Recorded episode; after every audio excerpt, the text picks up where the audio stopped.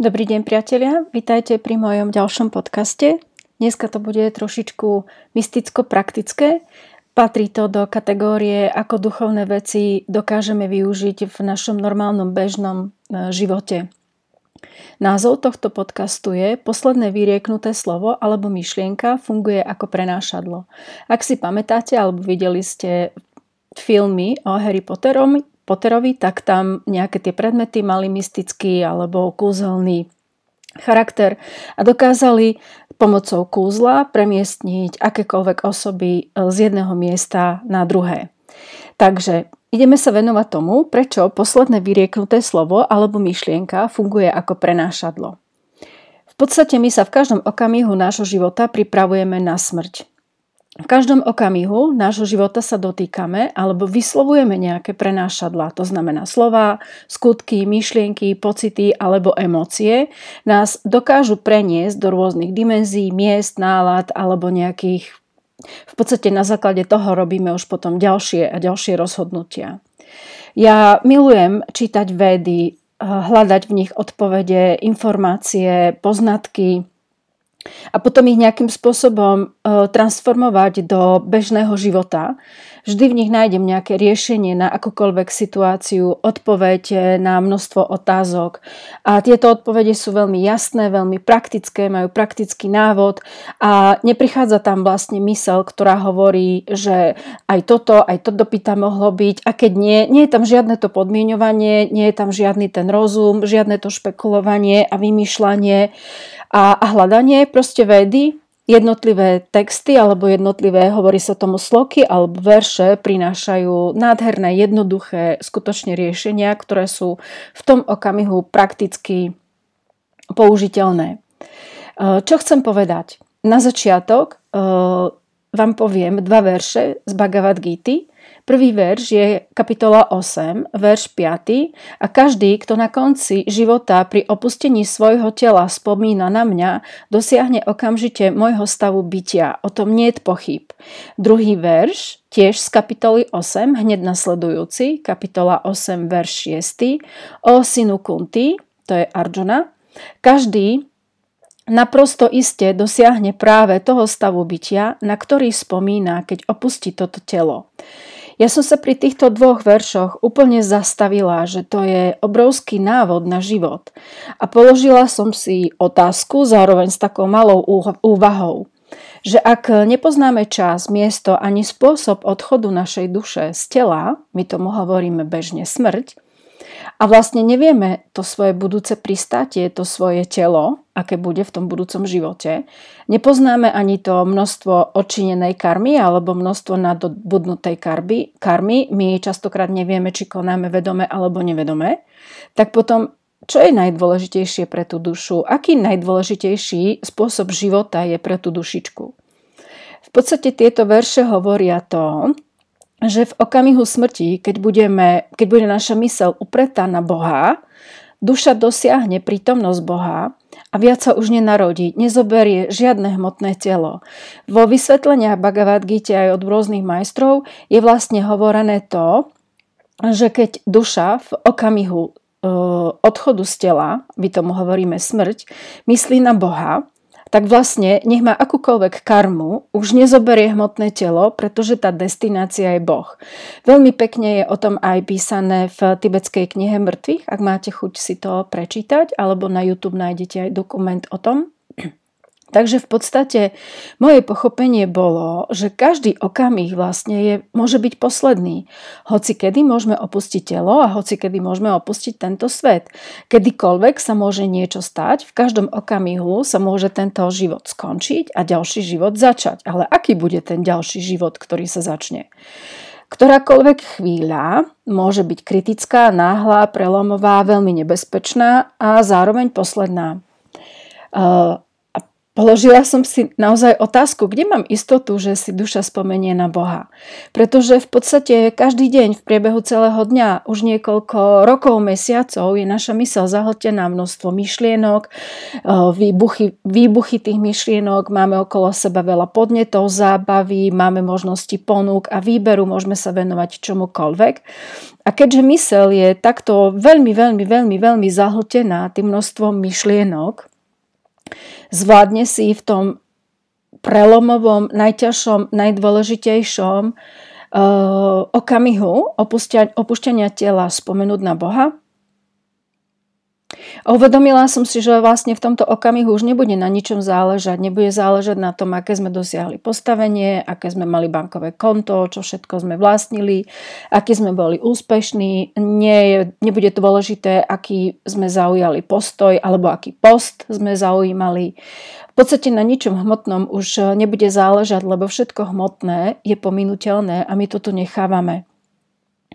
Jedine vlastne na čom záleží je to, na koho myslíme v okamihu smrti, teda odchodu duše z tela, ako, koho si voláme v podstate v tých kritických nebezpečných chvíľach na pomoc, aký máme naviazaný vzťah s Bohom a my si vlastne častokrát užívame ten materiálny, požitkový a zmyslový život a duchovný život a vôbec myšlienku na Boha odkladáme na potom, po prípade na dôchodok, keď už nebudeme mať toľko povinností, keď už budeme zabezpečení, keď už deti vyrastú, keď už prídu vnúčata, keď ešte absolvujeme niekoľko typov dovoleniek a proste je tam obrovské množstvo podmienovania. Ale ja som sa pýtala v podstate, ako vieme, že sa dožijeme dôchodku, ako vieme, že sa dožijeme tých potom, ako vieme, že naše deti budú mať vnúčatá a všetko ostatné. A vtedy som si uvedomila, že je veľmi dôležité byť v tej prítomnosti. A že jednotlivé a vytvoriť si ten vzťah s Bohom. Že v podstate životné situácie nás neustále preverujú, aký sme bdelí a aký sme prítomní. Každý deň dostávame veľa testov, ktoré skúmajú tú našu pripravenosť. Oni tak ako keby očukávajú to, do akej miery kontrolujeme mysel, kedy reagujeme na autopilota, kedy sme v tých nevedomých zlozvykoch a reakciách, kedy proste máme to vedomie ako keby o, tú prítomnosť vypnutú a, a proste riešime skutočne autopilota. Takže ešte raz, tieto verše hovoria, že v okamihu smrti budeme, keď bude naša mysel upretá na Boha, duša, duša dosiahne jeho prítomnosť a viac sa nenarodí a nezoberie toto hmotné telo. Prečo o tom hovorím, aspoň trošku, to hmotné telo alebo to ďalšie narodenie môže byť veľmi hrubo nevedomé a my tu budeme znova zažívať určitú formu utrpenia, určitú formu strachu, pretože my ani s egom, ani so strachom nedokážeme zvíťaziť. Ono to proste na, na planete Zem jednoducho je, tá dualita tu je. Cez to, ten strach zažívame v podstate ten uh, pokoj cez studené zažívame teplé, proste cez ten protipol zažívame druhý protipol. Tak je to tu proste nastavené, ale o tom bude iný podcast. A v podstate tieto nečakané a nebezpečné situácie nás preveria, na koho si spomíname, koho oslovujeme alebo čo hovoríme v týchto situáciách. Napríklad, keď sa potkneme, alebo sa udrieme, alebo nám niečo spadne, alebo príde zložitá situácia, alebo my spadneme, havarujeme, stane sa niečo nepríjemné, ochorieme, alebo prídeme o prácu, o majetok, o partnera, alebo sme účastníkom nejakého, alebo svetkom nejakého konfliktu a tak ďalej, tých, tých takýchto mm, nebezpečných, nečakaných, kritických situácií je veľmi veľa a v podstate sa pýtam v tom okamihu a skúste sa nad tým aj možno vy zamyslieť alebo položiť si túto úvahu.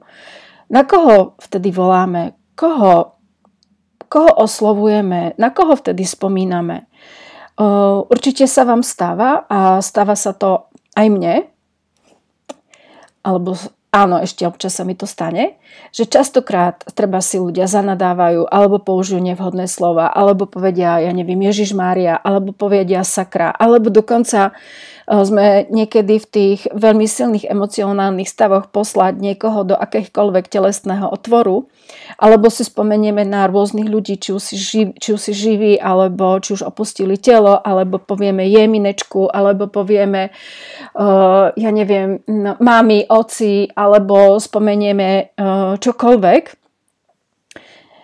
A v podstate, ak by sa v tomto okamihu stalo niečo veľmi fatálne, tak by duša opustila telo. A kam by šla? To znamená, že preto tá posledná, to posledné vyrieknuté slovo alebo myšlienka sa stáva prenášadlom práve v týchto kritických situáciách, lebo život nás preveruje práve v týchto situáciách. Ak e, je posledné slovo nadávka, napríklad sakra, tak kam duša pôjde? Kam, aké telo dostane? Kde začne to ďalšie narodenie. Ak e, niekoho alebo seba, alebo proste povieme akýkoľvek ľudský telesný otvor, tak kam duša pôjde, aké telo dostane, aký bude ten, akú kvalitu bude mať ten ďalší život. Ak si spomenieme na nejakého mŕtvého človeka, ako je mamka, ocko, babka, nejaká roková, alebo hudobná hviezda, alebo proste filmová hviezda, alebo, alebo kamarát, ktokoľvek, nejaká naša modla, my vieme, kde sú, vieme, eh, čo je s nimi, či už majú ďalšie narodenie alebo nie, ale v podstate naša duša pôjde za nimi. A ja si kladiem otázku, chce to naša duša?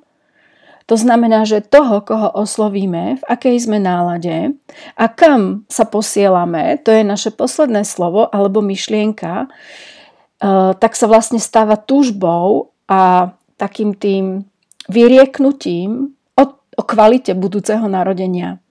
Pretože tieto kritické chvíle práve dokážu preveriť, v akom stave vedomia sme. Či sme skutočne v tom absolútnom nevedomí, alebo sme si aspoň trochu vedomí toho, kto sme, alebo či si naozaj sme plne vedomí, kto sme. Pretože keď sme počas celého dňa v poriadku.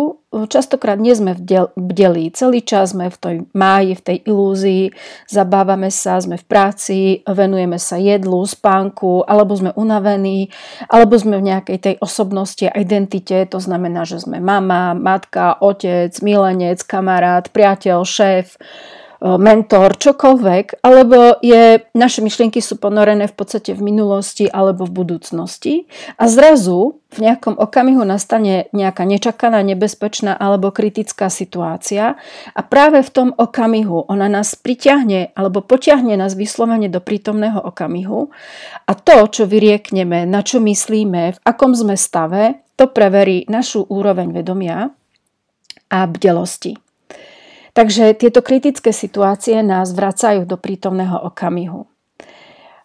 Vedské texty Bhagavad Gita ponúka v nasledujúcich veršoch, dokonca v tom 6., 7., 8. a v ďalších z tejto kapitoly a vlastne celá Bhagavad Gita ponúka riešenie. A ešte pri tejto téme mne vystala jedna otázka, ktorá bola taká pre mňa veľmi dôležitá a zásadná a je to, hovorí o tom práve Bhagavad Gita aj celé vedy, čo prežije moju smrť? Čo prežije to? Čo ostane v podstate tu, keď duša opustí telo? My si môžeme povedať všetko možné z toho hmotného, materiálneho sveta, ale v podstate to je pominutelné. Všetko, všetko zmizne, všetko odíde. Ale to, čo ostane, čo si bude v podstate v úvodzovkách, tá veta môže byť aj o tom, čo si o nás bude pamätať Boh, tak je to, pre mňa to bolo pochopenie, že čo sme urobili pre Boha. Ehm, to, čo prežije našu smrť, je to, čo sme urobili pre Boha. To znamená odaná služba, akúkoľvek činnosť, ktorú robíme, robíme pre Boha. Uvedome si svoje postavenie duše k Bohu. My nie sme Boh, my sme nedeliteľná súčasť Boha. Hovorí o tom Bhagavad Gita, druhá kapitola, konkrétne 20. verš, ale celá druhá kapitola je o duši. To znamená, že mať ten čistý, úprimný, ten nevinný stav vedomia, pokánia, odriekania a odpúšťania. Takže toto bol môj taký pohľad. Nevykladám Bhagavad Gitu eh, v žiadnom prípade, ale dávam len vlastne svoje pochopenie, eh, svoje vnímanie jednotlivých veršov, ako ich nejakým spôsobom aplikovať do nášho života, ako, ako to duchovno dostať eh, do našej dennodennej praxe pretože to nie je od nás oddelené a nie náhodou e, to tu máme, nie náhodou to prišlo, pretože v podstate tieto texty sú takým tým návodom na náš život. Tak, e, drahí priatelia, e, teším sa na ďalší podcast. Verím tomu, že vás tieto duchovno-praktické veci zaujali a, a že si z nich zoberiete aspoň trošičku z toho, čo som si zobrala, zobrala aj ja. Prajem vám krásny deň a krásne užívanie si svojho vzťahu s Bohom.